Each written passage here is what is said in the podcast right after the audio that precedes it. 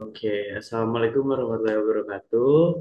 Selamat pagi, siang, sore, malam teman-teman semua Elektrotalks yang lagi nonton. Sebelumnya kenalin aku Rehwal Adunia Delapkar dari mahasiswa Teknik Elektro angkatan 2021. Nah, di Elektrotalks kali ini ada bintang tamu kita dari Teknik Elektro angkatan 2020.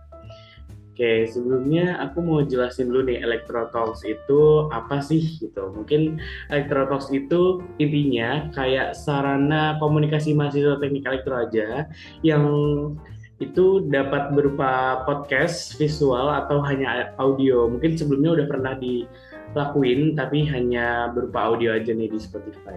Oke, mungkin udah ada bintang tamu kita nih di tengah-tengah layar ini. Gimana nih Mas Adit kabarnya nih? Oke, halo teman-teman semua. Mungkin uh, baik sih El, kabar aku baik. Alhamdulillah kabar baik ya. ya. Kesibukan akhir-akhir ini gimana Mas? Untuk kesibukan sendiri uh, mungkin aku alhamdulillah paling sibuk kuliah sih, sibuk kuliah terus uh, jadi kepala ketua himpunan juga paling itu aja sih kesibukan dari aku. Dan ada bisnis juga kuliah ya. Iya. Yeah apalagi hari ini nih kebetulan kita first day kuliah offline gitu ya. Wah iya banget, yeah. bener banget kita first day kuliah offline nih. gimana nih mas? Kuliah offline pertama rasanya reviewnya gimana nih mas? Waduh, mungkin reviewnya kalau kita bandingin sama kuliah online nih kali ya, bener El? Iya. Yeah.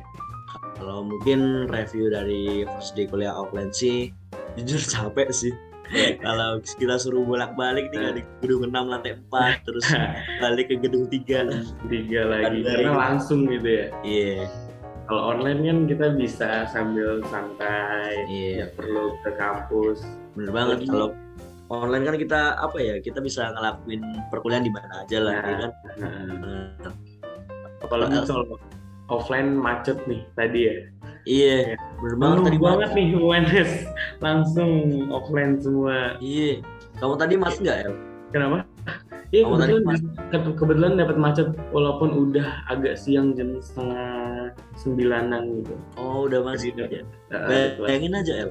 Tadi jam berapa ya? Jam tujuh lah jam 7 gila mas. Parah ya, ya kan? Gila. karena itu juga ada dari SD kan juga ada tuh yang di dekat belakang UNS tuh ada SD oh, iya, juga iya iya benar campur ya. UNS apalagi banyak banget kan jadi ya gitu. Lah ya gitu lah. Tapi seru sih ya karena kan transisi dari online ke offline gitu mungkin kagetnya di situ ya. Iya kagetnya di situ kayak aduh ternyata capek juga ya kalau jalan kayak gitu ya. Gitu iya. aja sih kalau tadi gimana nih first impression ketika kuliah offline kayak gini kalau first semester L Iya sama sih, kurang lebih sama macetnya dapet, capeknya karena naik ke lantai 4 gitu kan, naik tangga. Terus ini sih lumayan sih karena kalau online kan kita bisa off cam, bisa sambil santai nggak terlalu ini. Kalau ini kan kita harus tegap, harus perhatiin, nggak bisa uh, sebaiknya kan nggak nggak nggak tiduran lah nggak nyender lah gitu. Jadi emang harus ready sih gitu. Iya, iya sih kita harus benar-benar siap sih hmm. kalau di kuliah offline kayak gini. Oke. Okay. mungkin dari Mas Adit nih boleh kenalan dulu nih untuk lebih jelasnya nih. Mungkin kan dari tadi cuma Mas Adit angkatan 2020 anak elektro gitu doang nih. Mungkin boleh mungkin kenalan secara detail nih ya kan? Boleh ya kan? secara detail mungkin kalau ya kalau mau detail sih Japri WA ya. ya Oke okay, boleh ya Japri ya, kan? WA ya nih teman-teman teman uh, penonton kita nih di Evox Electro Talks kali ini. Jadi mungkin kenalin teman-teman semua nama lengkap aku Adit Fajar Madi. Teman-teman semua bisa panggil aku Adit. Kalau di jalan mungkin bisa panggil Mas, Bang, atau mungkin yang teman-teman Bandung nih bisa AA ya kan? AA Adit. Boleh AA Adit ya kan? Boleh AA Adit masing-masing juga ya tapi aku pun lebih sering dipanggil Mas Adit atau Bang Adit aja dah hmm. boleh mungkin kalau asal aku aku dari Pacitan tapi domisili aku di Pacitan sama Surabaya. Nah boleh banget nih teman-teman yang mau nyantai, mau kecil, mau Pacitan kan terkenal akan pantainya nih mungkin boleh banget kalau mau Pacitan ajakin aku boleh. Pacitan ada pantai. Iya di Pacitan. Iya. Mungkin bisa nih teman-teman yang mau info-info Mas Adit info Pacitan ke mana info Surabaya gitu. Saran-saran gitu. Bisa nih Mas Adit. Kalau mau nyewa apa? Nyewa camp boleh boleh. Nyewa camp boleh itu boleh nanti aku sewain nah tuh info-info Pacitan info Surabaya mungkin bisa nih nanti ke Mas Adit. Banget nih. Oke. okay. Untuk Mas Adit sendiri nih UKM atau organisasi yang diikutin tuh ada apa aja sih? Mungkin bisa dari pas awal kuliah nih mungkin bisa jelasin beberapa organisasi jelasin secara singkat aja mungkin. Mungkin aku throwback ketika waktu elektro muda aja kali ya. Elektro muda mas. Bener kan. Ada kita kan elektro muda ya kan. Mungkin kita throwback sedikit ya teman-teman semua. Uh, jadi untuk pada tahun 2020 tuh aku ikut UKM Bengawan UV di sponsorship and public public relation sorry.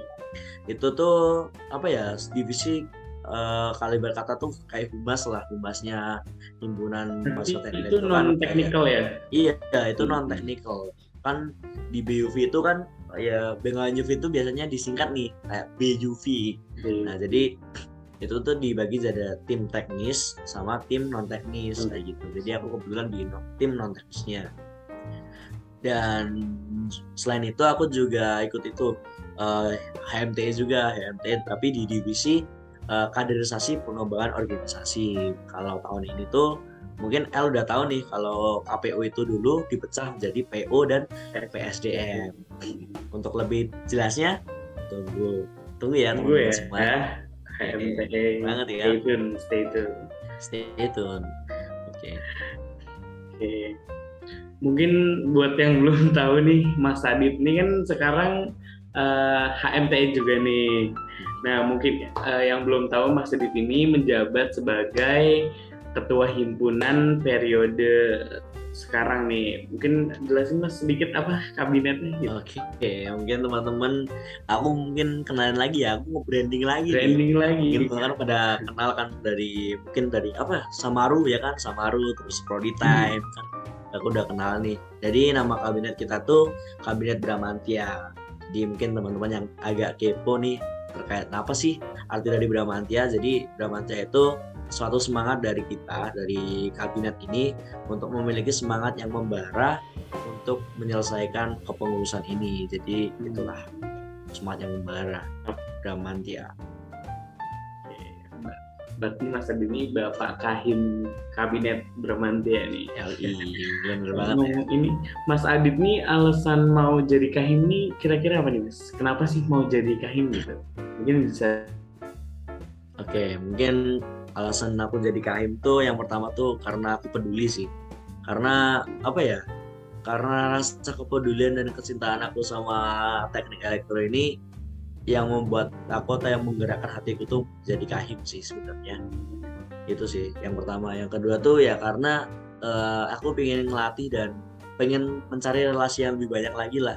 Kebetulan kan kemarin mungkin uh, kalau kita bicara panitia kan alhamdulillah kemarin juga jadi ke panitia dari kadif, kadif acara BKKMB 2021 itu kan aku ada beberapa kenalan di fakultas lain kan. Nah aku hmm. tuh pengen memanfaatkan momen itu El sebenarnya kayak okay. kayak pengen pengen itulah pengen jadi kahim biar yeah. bisa lebih dekat lagi dengan teman-teman fakultas oh, lain lain ya. atau karena atau dari teknik sendiri gitu ya iya karena apa ya teman-temanku tuh kebetulan juga jadi kahim-kahim juga oh, jadi kita kayak udah kahim semua nih jadi ngeri nih teman-teman sama kayak kahim gitu. semua iya bener banget. Kayak dari arsi PWK kayak gitu. Dari sipil kayak gitu teman-temanku. Makanya kayak ayo nih kita bisa kerja sama bareng kayak gitu. Dari industri juga.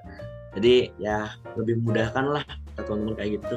Standar aku sih perbanyak relasi sih kayak gitu. Iya relasi ya. Alasannya ya mungkin ya alasan dari Mas Adi itu relasi dari mungkin dari uh, elektro sendiri terus dari fakultas gitu ya mungkin tadi ya jelasin oke okay. Terus menurut Mas Adit sendiri nih uh, himpunan itu apa sih? Maksudnya definisi himpunan menurut Kahim nih, menurut Mas Adit sendiri nih. Menurutku himpunan itu adalah suatu keluarga sih. Gimana? Jujur kan aku kan orang perantauan ya. Hmm. Aku kan bukan orang yang asli Solo dan aku tuh ngerasa apa ya ngerasa diterima nih sama teman-teman himpunan. Ngerasa kayak uh, aku tuh bisa apa ya bisa dikatakan tuh kayak kalau dikatain omongan tuh disambut lah. Bener gak bener gak sih? Kayak kita yeah. kayak disambut kayak gitu. Aku ngerasa tuh pertama kali aku ngerasa itu hubungan adalah keluarga sih. Kayak mereka nyambut aku mereka kayak welcome banget ke aku kayak nanyain kamu udah makan belum? Kayak e, ini aja cari makan di sini dan lain-lain. Kayak anjir aku tuh perantauan aku gak kenal siapa-siapa dan aku diperlakukan seperti teman yang udah kenal ya. lama gitu dari himpunan sendiri gitu kan iya bener banget nah, nah.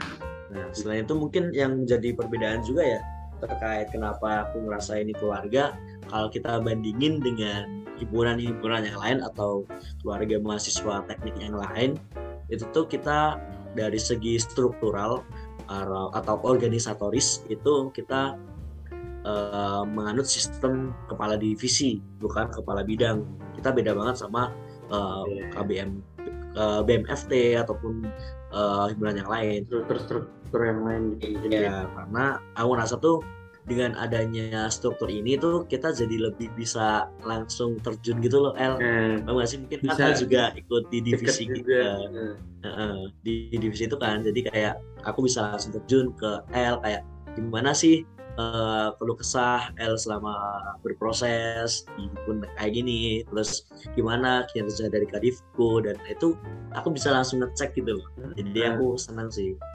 kayak gitu. Kayak nah, langsung, aku bisa langsung turun gitu ya. Kan kalau biasanya tuh ada uh, antara anggota staff sama kadif sama atasnya kadif itu ada kabit dulu. Nah mungkin kalau dari Mas Adit sendiri itu langsung dari Mas Aditnya turun ke yeah. kadif sama staffnya gitu ya kan. Iya yeah, benar. Itu yang bikin himpunannya itu kayak keluarga gitu. Iya yeah, jadi lebih raket lah. Nah, lebih lebih, lebih lengket lah. Benar. Lebih, lebih dekat. Hmm. Oke, mungkin kan uh, selama beberapa bulan kemarin nih selama menjabat jadi kahim adalah pasti tantangan, rintangan gitu mungkin beberapa. Itu mungkin bisa dikasih tahu nih mas, uh, diceritain mungkin beberapa tantangan atau rintangan yang udah dilewatin selama jadi kahim kemarin. Hmm, mungkin kita spill dikit aja ya dikit. Ya. dikit dikit aja deh dikit dikit, dikit aja. kalau mau ngobrol lebih lanjut kan ya ketemu langsung kan biar lebih enak ya kan. Nah. biar apa nih tantangannya apa nih suka dukanya dan mungkin kalau di skala nih El kita skala dulu ya. Uh, suka sama duka di hiburan tuh lebih banyak sukanya sih ya, karena jelas ya, kepala divisinya ya teman-teman aku aku kenal semua. Hmm. terus staff-staffnya juga teman-teman pilihan dari uh, eh, 2021 dan 2020 jadi pada pada kenal semua kan ya. Hmm. lebih banyak sukanya lah. Mungkin kalau rintangan nih buat teman-teman semua uh, kita kan udah dua tahun melaksanakan organisasi secara online ya kan. Hmm, itu kan udah banyak sekali proses evaluasi lah dan kita sudah alhamdulillah udah mantep banget nih di kabinet Pramatya untuk pelaksanaan secara online tuh udah luar biasa cukup baik dan bisa terlaksana secara optimal dan maksimal lah. Nah, mungkin rintangan dari ke depannya itu transisi lagi nih. Kita udah nyaman banget nih di online nih. Kita udah banyak adain uh, skala internasional kayak gitu kan secara online. Nah, mungkin PR-nya besok itu dilaksanain secara offline kayak gitu. Ah, iya, iya. hanya banyak banget yang perlu dievaluasi lah apa aja yang perlu dianu kayak gitu sih. Mungkin tantangannya itu sih uh, untuk yeah. depannya sedikit aja nih iya sedikit aja dari apa masa transisi sih ya karena kan online sama offline itu prepare-nya benar-benar beda banget ya kayak uh, partisipan yang join uh, rapat nanti persiapan tempat rapat udah dipermudah banget nih apalagi digital gitu kan yeah. terus kalau offline kan harus di tempat gitu nah itu mungkin yeah. Iya. uh, rintangannya itu sih cuma yeah. mungkin kita kan juga udah bisa lah ya nggak terlalu ini cuma emang itu struggle sedikit struggle dari uh, Mas, Mas Adit maupun himpunan selama masa transisi ini. Yeah. Dan satu lagi El, yeah. mungkin uh, tantangannya juga tuh ketika kita ngelaksanain event secara offline itu tuh kita harus uh, apa ya harus full jiwa dan raga gitu. Ah iya. Nah, kan hmm. beda banget kalau kita online tuh. Karena kan kita bisa sambil nih kayak contoh uh. kita bisa sambil kerja tugas, sambil uh, apa namanya uh, belajar dan lain-lain nah, gitu sih. Hmm. kita bisa nyambi lain lah karena lebih terkuras juga ya tenaganya kayak harus ketemu langsung gitu. Kalau online kan mungkin bisa nyambi di rumah mungkin sambil duduk santai atau tiduran mungkin ada yang sambil tiduran gitu dengan eh, bermacam-macam gitu kan. Kalau oven kan langsung nah mungkin itu emang eh, prepare juga. Itu sih ya mungkin ceritanya itu kali. Hmm. Oke, mungkin menurut Mas Adit nih eh, lebih ke akademis atau organisasi nih mungkin? menurutku ya untuk permasalahan seperti itu sih nggak bisa dipilih salah satu ya. Jadi menurut aku tuh dua hal itu L ya. Itu tuh seperti sayap. Jadi kalau satu kuat satu lemah nggak mungkin bisa terbang. Nah, kalau satu pincang satu sehat nggak mungkin juga bisa terbang. Nah menurut aku kedua hal itu penting lah iya, ya karena gini El eh, nggak munafik ya akademis itu juga penting Hmm, organisasi itu juga penting. Nah, yang paling penting itu gimana cara kita ngebagi waktunya, gimana kita bisa berprestasi di situ gitu loh. Entah di akademis, entah di eh, organisasi. Nah, kayak gitu sih kalau dari aku.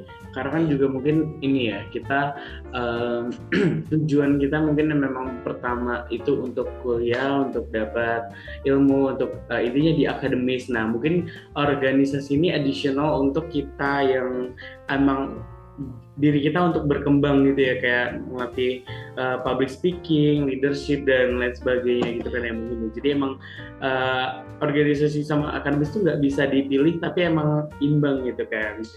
Cuma Iya. emang akademis juga tetap penting gitu. Apalagi dengar pas Adit kemarin peringkat satu nih uh, Aduh. sebagai mahasiswa berprestasi angkatan 2020 nih semester 4. Nah mungkin bisa Makasih. dilas- diceritain pas uh, kan mungkin itu menja- pas menjabat jadi kahim terus bisa nih peringkat satu juga pas mahasiswa berprestasi 2020 semester 4 nih nah itu gimana tuh akademis itu gimana tuh mas?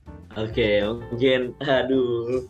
Mungkin gini ya, mungkin teman-teman bukannya mau sombong atau gimana. Jadi eh, seperti yang aku bilangin tadi, suatu hal akademis dan organisasi itu adalah suatu hal yang saling berkaitan. Nah, kayak gini nih contohnya. Dan aku ngerasa tuh dengan kita akademis, mungkin kita sebelum kita membahas times management dan lain-lain ya, eh, pentingnya contoh gini dah.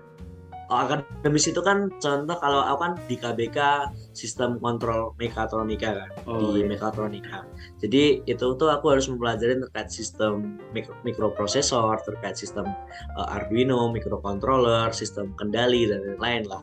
Nah, dan kenapa organisasi itu penting? Kita tuh di teknik nih. Teknik itu kan bekerja secara tim. Gak ada yang namanya teknik tuh bekerja sendiri. Nah, Hmm. tujuan dari organisasi itu untuk melatih sense of belongings kita atau eh, suatu rasa kebersamaan dari kita. Makanya kenapa aku tadi bilang kalau satu buat satu jelek. Nah, itu yang jadi masalah tuh. Kalau mungkin kita bisa oke nih eh, oke di akademis tapi di organisasi terkait rasa kita, rasa memahami, rasa menghargai, rasa mengutarakan pendapat, public speaking dan jelek. Ya nanti untuk membuat suatu keberhasilan dalam tim itu nanti chance-nya itu kan rendah gitu loh Ah iya. kalau kita udah bagus di situ tapi tidak mempunyai ilmu yang memadai seperti kayak contoh uh, mungkin pemrograman sih atau mungkin dan lain-lain gitu. itu nanti juga akan rendah juga gitu jadi kenapa kedua itu harus seimbang nah untuk seimbang itu nanti aku tuh ada beberapa tips sih sebenarnya El untuk gimana time manajemennya itu Mungkin untuk eh, eh, gitu ya. Em, emang harus imbang sih antara akademik sama organisasi. Mungkin eh, gimana caranya biar organisasi tetap dapet nih ilmu-ilmu dari organisasi, tapi juga nggak kalah eh, pentingnya akademis nih kayak eh, setiap mata kuliah emang harus dipelajari, emang harus belajar gitu. Jadi emang harus imbang nih. Nah, kalau dari Mas Adit sendiri nih untuk nyimbangin antara belajar uh, mega bela- belajar dari kuliah nih kayak uh, kerjain tugas, ngelaprak nih, terus kayak uh, baca-baca materi mungkin, terus ngimbanginnya sama organisasi, apalagi Mas Adit sendiri megang di HMTE ini nih, mungkin gimana nih tips and trick buat uh, bagi waktu nih? antara akademis dan organisasi. Oke, okay, mungkin aku uh, kasih sedikit trip ya. Ya, yeah, trip, tips ya untuk teman-teman semua. Still, still. Yeah. Oke, okay, mungkin teman-teman nih. Kalau dari aku sih ada apa ya? Kita kan udah di masa apa ya IoT lah, di masa kecanggihan Canggih apa ya kecanggihan aplikasi dan lain-lain kan udah maju banget nih. Kalau dulu itu kan kalau SMA itu aku masih dalam sistem tulis gitu loh. Jadi aku punya whiteboard yang aku tulis kayak aku hari ini mau ngapain aku besok minggu depan targetku apa dan lain-lain. Itu dari SMA kayak gitu. Nah kalau SM uh, eh, kalau kuliah ini aku upgrade nih karena kan ada namanya aplikasi Notion. Jadi Notion itu yang aku uh, pokoknya semua tugas semua laprak semua uh, reminder buat aku itu aku pakai Notion hmm. karena itu suatu aplikasi yang haram sih menurut aku kayak gila keren banget sih kayak kamu bisa apa ya bisa ngatur semuanya tuh di Notion gitu loh Notion. bisa reminder kayak ngasih alarm dan lain-lain kayak wow keren banget nih kalau untuk di handphone aku aku kan biasanya kan ikut rapat nih kalau sama divisi-divisi yang lain kan dan waktunya tuh pada pada semua Humas hari Rabu terus KWU hari Jumat. Nah kayak gitu. Contohnya beberapa divisi kayak gitu ya. Itu tuh aku pakai yang namanya aplikasi to do list di handphone. Jadi untuk nyatet jam jadi semua rapat jam 7 aku di to do list tuh udah jam 6 udah kasih reminder gitu jam 6 jam 7 mau rapat uh, divisi A. Jadi uh, aku tuh habis itu langsung membagi waktu lagi. Oh habis rapat ini mungkin sekitar satu jam atau satu setengah jam selesai habis ini aku mau ngapain? Itu di Notion gitu kan. Jadi aku pakai dua aplikasi itu sih. Tapi untuk apa ya untuk aku tulis juga masih ada sih. Di whiteboard kayak gitu di kosku kayak hmm. not not kayak gitu. Kayak gitu aja sih. Mungkin... skala apa ya uh, itu L uh, buat skalain itu sih L prioritas oh gitu. iya skala prioritas ya ini sih iya mungkin buat teman-teman nih dapat apa skill-skill dikit dari Mas Adit nih untuk kalau laptop nih pakai Notion, kalau di HP pakai Do List nih. Kan bisa buat apa nih bagi waktu antara akademis sama organisasi nih dan iya, iya. Bener banget, bener banget. Itu suatu aplikasi yang penting banget sih menurut aku. Ada tambahan lagi ya nih untuk tips and trick buat bagi waktu. Mungkin tips and trick bagi waktu yang lain sih uh, komitmen sih. Yeah. kalian kalian kan udah dapet ilmunya nih. Ya dilakuin gitu. Kalau nggak dilakuin cuma diangan-angan atau cuma aduh aku besok ini besok ini. Nggak dilakuin ya sama aja. ya sama aja ya. Percuma udah udah ngelis nih apa yang mau dikerjain tapi emang nggak komitmen nggak konsisten gitu ya. Mungkin sama aja gitu yeah. dan konsisten juga bener sih kayak contoh uh, apa ya nulis membuat hal kayak gitu tuh sebenarnya capek loh semua. Hmm. Aku jujur kalau buat kayak gitu, buat jadwal dan lain itu capek. Tapi ketika aku udah berhasil nyusun jadwalku secara rapi, secara baik, bisa apa ya buat time management kayak gitu, itu suatu apa ya suatu kepuasan gitu. Kebanggaan, kepuasan. Iya. Ya. Kayak oh berarti habis ini, habis ini, habis ini jelas kayak kayak semua ada rapat dadakan aku bisa oh aku di hari ini kosong nih mungkin bisa ganti rapatnya ke hari ini kayak gitu. Jadi semuanya bisa sama rata lah. Uh, uh, jadi apa tetap produktif tapi nggak mengganggu satu acara dengan acara yang lainnya gitu ya. Nah bener banget. Ada rasa uh, bangga nih karena kita bisa produktif tapi emang nggak uh, ganggu acara karena kita udah ngebagi waktu sesuai sama yang emang mau kita kerjain gitu kan maksudnya mm-hmm. gitu teman-teman oke Oke, gitu nih teman-teman buat apa bagi waktu tips and triknya dari Mas Adit nih dari Pak Bapak Kahim gitu asik. Kahim nih bisa diceritain nih Mas untuk um, terpilih jadi Kahim tuh sistemnya gimana nih? Ditunjuk atau kayak ngajuin diri gitu? Mungkin untuk sistematika ya mungkin karena ini juga bukan rahasia umum ya. Bukan maksudku bukan rahasia lah yeah, yeah, rahasia yeah. dikit aja nih yeah. jadi mungkin uh, yang pertama tuh kita bukan bukan ditunjuk sih lebih ke ngajuin nama aja. Siapa yang uh, mau mengemban tugas jadi kahim terus teman-teman. Untuk angkatan 2020 kemarin tuh yang mengajukan diri ada enam orang. Nah enam orang itu ngajuin diri terus nanti sama angkatan lagi tuh diseleksi diseleksi lagi sampai pengerusutan uh, dua orang L. Nah nanti setelah dua orang itu nanti uh, nanti ada briefing dari ketua himpunan dan wakil himpunan yang lalu lah. Nanti di briefing terus nanti ketika musyawarah besar ngapain aja terus cantumin visi misi buat visi misi terus uh, ada perubahan baru apa kayak gitu sih kayak contoh aku buat perubahan baru terus pemecahan divisi KPO menjadi oh, iya. PSCF, KPO terus sistematika kerja kayak gitu sih. Terus visi misi yang udah menang jadi kayak itu bakal jadi visi misi di kabinet. Karena uh, kenapa tuh? Mungkin teman-teman tanya-tanya nih kenapa nih kok kok bisa jadi visi misi karena ketika kamu menjadi ketua kamu itu harus bisa menyamakan satu visi dengan teman-teman kamu yang lain. Jadi teman kamu yang lain tuh harus sama nih visinya sama kamu. Biar gak ada yang namanya miskomunikasi gak ada yang namanya selek antar divisi gak ada. Pokoknya ada gak ada kericuhan lah. Karena sama-sama punya satu cita-cita satu tujuan satu visi seperti itu. Kayak gitu sih. Mungkin kalau analogi jalan kalau kalian kan mau ke Jakarta kalian mau bisa lewat uh, mau jalan A jalan B jalan C yang penting sama-sama tujuannya ke Jakarta. Ah gitu iya tuh tuh spill spill dikit tuh dari Mas Adit nih buat teman-teman dua satu nih kan untuk yang selanjutnya nih. Nah ya, itu gue tuh. sistem sistem gue tuh satu disiapin. Oke, mungkin kalau dari Mas Adit sendiri ada saran atau pesan gak nih buat yang mau jadi kahim selanjutnya yang which is angkatan 2021 nih untuk kaderisasi selanjutnya nih. Saran saran atau pesan nih mungkin dari Mas Adit mungkin pesan dari aku aja kalau saran sih mungkin ketika kita udah menjabat aja ya sarannya ya. Mungkin pesan aja ngobrol-ngobrol aja lanjut kalau saran. iya kita ngobrol-ngobrol lagi aja karena kan juga aku open banget nih. Kalau mau diskusi mau kita ngobrol-ngobrol dengan teman-teman dua satu nih yang mau jadi kahim aku open banget. Karena buat apa ilmu dipendam sendiri gitu loh. Lebih baik kan ilmu kan disebarluaskan lebih baik kayak gitulah jadi mungkin pesan dari aku sih uh, tetap jaga semangat karena kahim itu kan suatu contoh nih. Kalau semua kahimnya itu udah males udah aduh ogah-ogahan kayak gitu itu nanti bakal berimbas ke teman-temannya. Karena kan kahim itu kan ujung tombak nih. Kalau semua ada problem di himpunan ada problem di luar sana itu kan yang jadi masalah atau yang pertama kali ngebadarin kalian itu kan kahim.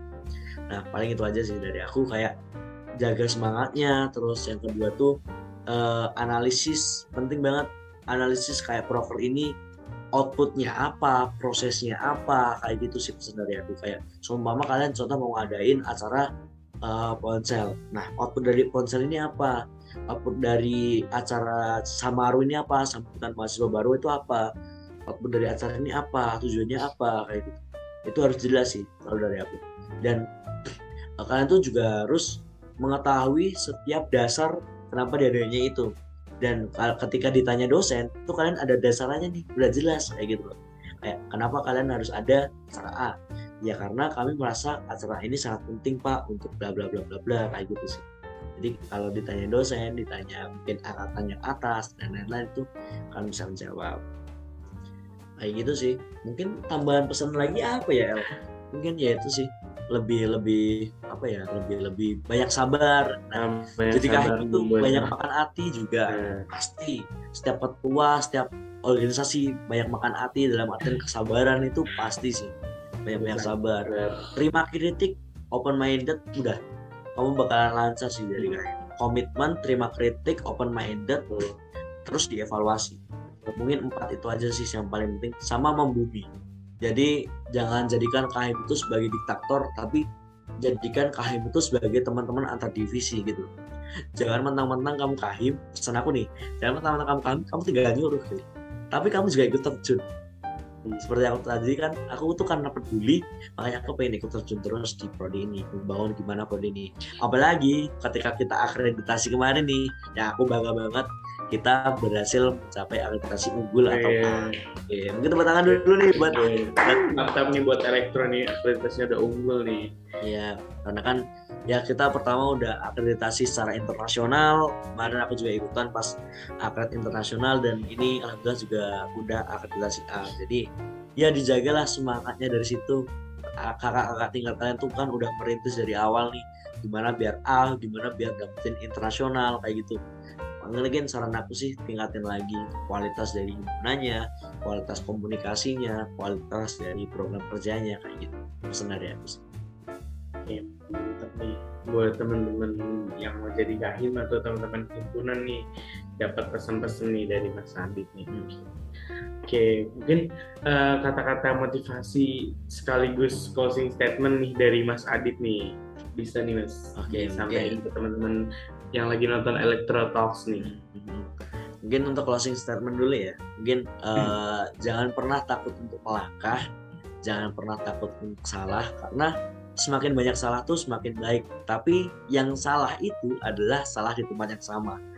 Jadi mumpung kita masih di dunia perkuliahan salahnya itu nggak apa-apa kalau kita udah di dunia kerja nggak munafik coy kalau kita udah di dunia kerja kalian salah sekali nggak makan gitu jadi kurang-kurangin atau kurangin kadar salah kalian atau uh, tingkat kesalahan kalian tuh di, di ini di tingkat perkuliahan. Karena ketika kalian salah paling cuma evaluasi dan evaluasi gitu loh. Paling nggak ada yang marahin paling cuma evaluasi evaluasi gimana sama pemberinya dan lain-lain. Kalau kalian udah dunia kerja kalian salah. lagi nih. Aduh udah gak ya, makan kan lagi. Iya makanya jadi jangan takut salah terus berani berani ambil resiko. Yang yang penting resiko tuh berani ambil tapi dipikirin matang-matang. Jadi semua kayak contoh uh, aku pengen ngadain acara ini ada resiko ini tapi ada keuntungan ini. Nah bandingin tuh keuntungan sama resikonya kayak gitu. Posisi statement aku dan mungkin pesan apa ya suatu motivasi dari aku dari dulu nih yang aku pegang dari uh, eh, SMA kali ya. Dan itu sih serius tapi santai dan break the limits sih kayak gitu tapi santai break the limits mantap kayak gitu sih. oke mungkin udah itu aja nih mas uh, apa ya, closing statement dan motivasi dari Mas Rid. Oke, okay. okay, ya. Oke, okay, thank you banget ya El. Oke, okay, terima kasih juga nih untuk malam hari ini. Buat Mas Adit ya. untuk sharing-sharingnya nih, entah tadi dari akademis, pembagian waktu, terus kahim tentang kahim tentang himpunan gitu. Mungkin biar teman-teman Elektrotox ada gambaran nih bisa kayak bisa tahu nih gimana nih tentang himpunan tentang bagi-bagi waktu nih dari sharing-sharingnya Mas Adit tadi nih. Mungkin mantap. Oke mantap banget. Jangan lupa belajar itu aja. Ya, ya itu mantap, mungkin itu aja sih ya untuk teman-teman Elektrotox makasih udah mau nonton mau dengerin mau dengerin sharing-sharingnya dari Mas Adit selaku ketua himpunan. Dari aku itu aja. Terima kasih. Kurang lebihnya mohon maaf. Wassalamualaikum warahmatullahi wabarakatuh. Terima kasih udah nonton Oke, terima kasih